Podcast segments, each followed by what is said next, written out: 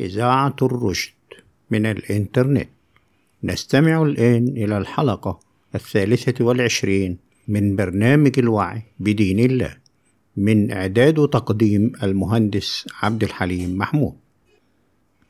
عزيزي المستمع نرحب بكم في حلقة اليوم الجمعة الثامن والعشرين من المحرم 1444 هجرية والموافق السادس والعشرين من أغسطس 2022 ميلادية. موضوع حلقة اليوم يقدم الأكاذيب المفتراه على الله فيما يسمى بالسنة النبوية. دعونا نرحب أولا بضيف البرنامج الحاج عبده. مرحب بيك يا باشمهندس. تعلمنا في الحلقات السابقة من الآية 256 من سورة البقرة ضرورة الكفر بطاغوت السنة النبوية. قبل الإيمان بالله وبآياته حتى نستطيع أن نستمسك بالعروة الوثقى التي لا انفصام لها. اسمع الآية. لا إكراه في الدين قد تبين الرشد من الغي. فمن يكفر بالطاغوت ويؤمن بالله فقد استمسك بالعروة الوثقى. لا انفصام لها والله سميع عليم. ركز وفكر في معنى لا انفصام لها ليه؟ لأن الانفصام ده حالة مرضية تعالجها هذه الآية الكريمة. يعني إيه الأول انفصام يا باشمهندس؟ طبقا لتعريف مستشفى مايو كلينيك في أمريكا فإن الانفصام اضطراب عقلي شديد يفسر فيه الأشخاص الواقعة بشكل غير طبيعي. وقد ينتج عن هذا الانفصام في الشخصية مجموعة من الهلوسات والأوهام والاضطراب البالغ في التفكير والسلوك وهو ما يعرقل أداء الوظائف اليومية ويمكن أن يسبب في إعاقة. ويحتاج المصابون بالانفصام إلى علاج مدى الحياة ولكن يمكن للعلاج المبكر أن يساعد في السيطرة قبل ظهور الأعراض الخطيرة. طيب يا باشمهندس إيه بس علاقة المرض ده بالكفر والإيمان؟ أي إنسان يؤمن بمفاهيم دينية وفي نفس الوقت يؤمن بطاغوت بعكس تلك المفاهيم لازم يجيله انفصام في الشخصية. لكن إيه هو الطاغوت يا باشمهندس؟ الطاغوت اللي أنا فهمته من القرآن هو أي شيء يطغى عليك لتضل عن عبادة الله أو عن اتباع كتابه وشرعه. والله أعلم. فهذا الطاغوت ممكن يكون مفاهيم دينية موروثة أو كتاب دين زي كتاب البخاري مثلا أو ملة موروثة زي السنة أو الشيعة أو اليهودية أو المسيحية. وممكن الطاغوت ده يكون شخص له تأثير كبير عليك. فاعلم إن أي شيء أو شخص ياخدك من إخلاصك المطلق لعبادة الله واتباع آياته وشرعه ويدخلك مع رب تاني كتاب تاني وشرع تاني فاعلم إن ده طاغوت هيخليك تشرك بالله. فلازم تكفر بيه على طول. يا باشمهندس انت لخبطتني إيه علاقة الطاغوت بالانفصام؟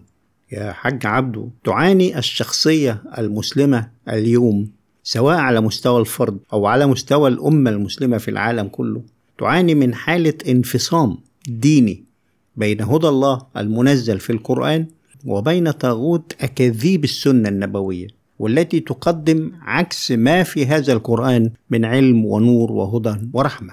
فيسبب هذا الانفصام مضاعفات تظهر في صورة من الهلوسات والأوهام والاضطرابات البالغة في تفكير وسلوك المسلم تعرقله عن مجرات العالم في أداء وظائفه اليومية وتسبب في إعاقته عن التقدم الحضاري والصناعي والتكنولوجي والعسكري. وتحول الأمة المسلمة إلى أمة ممزقة ومشوشة ومتخلفة بين الأمم فلا هي نجحت في دين ولا هي نجحت في الدنيا. إيه يا باشمهندس وايه علاقة ده كله بالآية لا إكراه في الدين بس. الآية تقدم علاجا لهذه الحالة على مستوى المسلم الفرد وعلى مستوى الأمة المسلمة.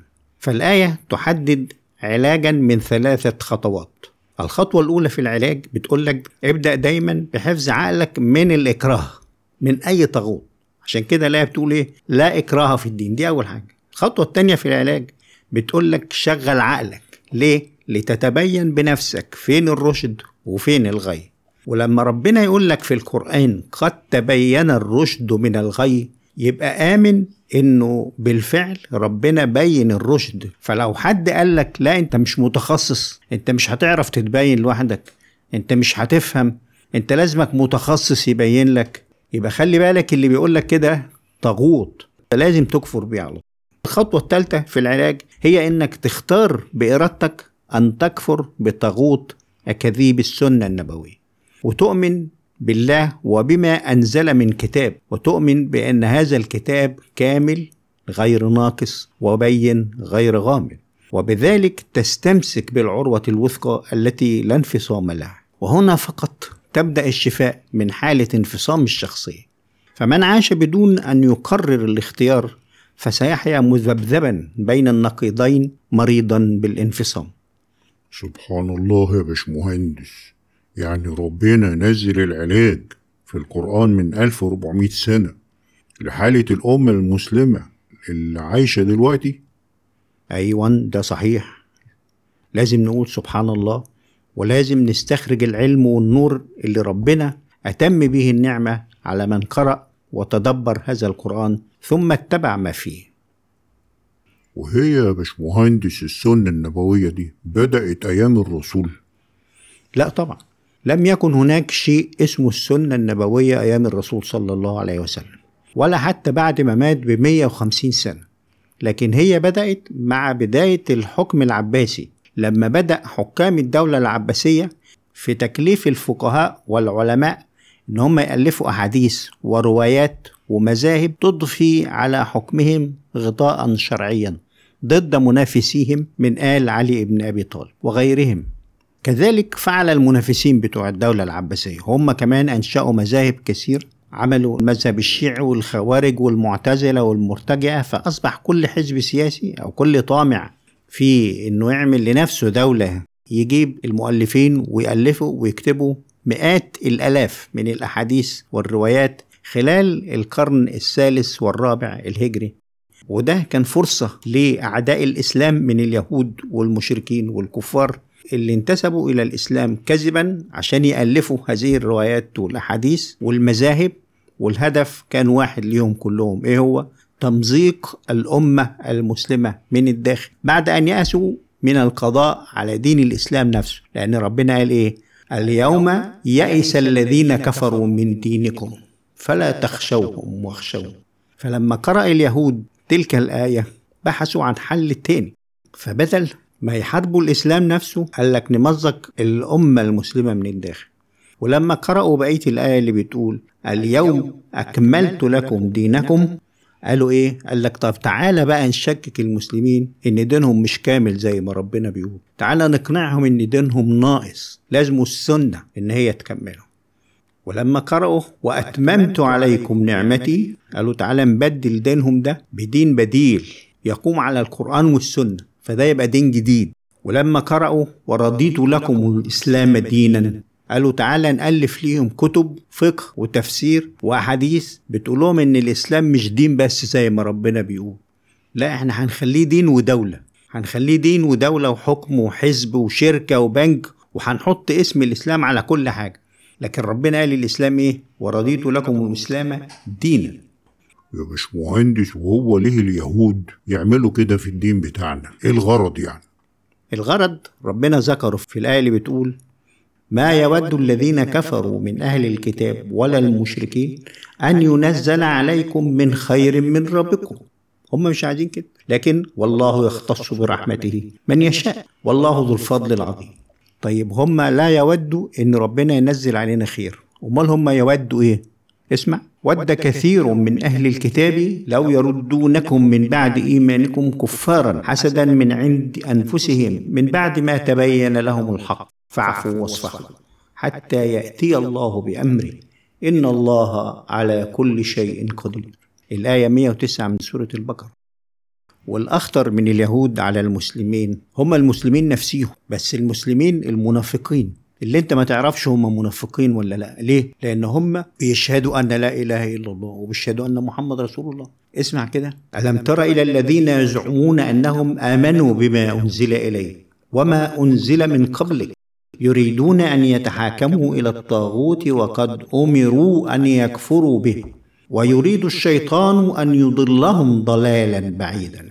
فدول يزعمون. شوف الآية بتقول إيه؟ ألم تر إلى الذين يزعمون إن هم آمنوا بما أنزل إليك؟ يعني هم آمنوا بالقرآن لكن مع ذلك مش عايزين يتحكموا إلى القرآن عايزين يتحكموا إلى الطاغوت. وقد أمروا أن يكفروا به. وإذا قيل لهم تعالوا إلى ما أنزل الله وإلى الرسول رأيت المنافقين يصدون عنك صدودا. هو بالظبط ده اللي بيحصل النهارده مع اللي بيروجوا السنة النبوية. مش عاوزين حكم القرآن. عايزين طاغوت حكم السنة النبوية. فالهدف الرئيسي من تأليف وترويج كذب ما يسمى بالسنة النبوية هو التشويش على عقلية وشخصية المسلم ليصاب بالانفصام بين نور القرآن وبين أكاذيب السنة النبوية. ممكن يا باشمهندس تحفظني؟ أهم أسباب تخليني ضروري لازم أكفر بالسنة النبوية عشان أنا بنسى بسرعة. أنا عايزك تحفظ كلمة واحدة. تجمع كل أسباب ضرورة الكفر بما يسمى بالسنة النبوية. الكلمة دي هي إيه؟ الكذب. الكذب. تقوم السنة النبوية على أربع كذبات كبرى. أولا فيها كذب على الله. ثانيا فيها كذب على شرع الله. ثالثا فيها كذب على رسول الله صلى الله عليه وسلم. رابعا فيها كذب على الأمة المسلمة. اسمع يا سيدي. أولا اعلم أن ما يسمى بالسنة النبوية تقوم على الكذب على الله لأن مروجيها بيقولوا إن الله أوحى بها إلى الرسول صلى الله عليه وسلم. وهذا كذب أثبتناه في حلقة سابقة. لكن اسمع إزاي الرسول صلى الله عليه وسلم أشهد ربه على أنه أوحي إليه هذا القرآن فقط لا غير ولم يوحى معه أي شيء. اسمع الآية اللي بتقول إيه؟ قل أي شيء أكبر شهادة قل الله شهيد بيني وبينكم وأوحي إلي هذا القرآن لأنذركم به ومن بلغ يعني الرسول صلى الله عليه وسلم بيشهد الله يقول إن الله شهيد بيني وبينكم إيه؟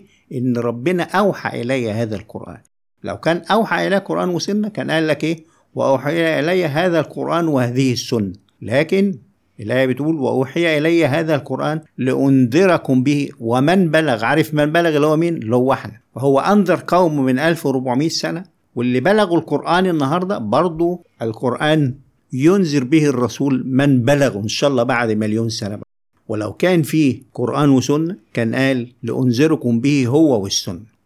أئنكم لتشهدون أن مع الله آلهة أخرى قل لا أشهد. وأنا أقول أئنكم لتشهدون أن ما يسمى بالسنة النبوية وحي من الله نزل مع القرآن على الرسول فإن تشهدوا فأنا لا أشهد. بل أشهد أن الله لم ينزل وحيا بما يسمى بالسنة النبوية. وأشهد بأن الرسول بريء مما نسب إليه في كتب السنة النبوية. وأشهد أنكم تكذبون على الله بقولكم أنه أوحى هذه السنة النبوية إلى الرسول. قل إنما هو إله واحد وإنني بريء مما تشركون. وأنا أتبرأ مما يشركون به من مؤلفي كتب السنة وكتب الفقه والتفسير التي تبدل دين الله وشرعه. وبعدين كلمة القرآن ذكرت 49 مرة في القرآن. لا تجد في أي منها كلمة القرآن والسنة.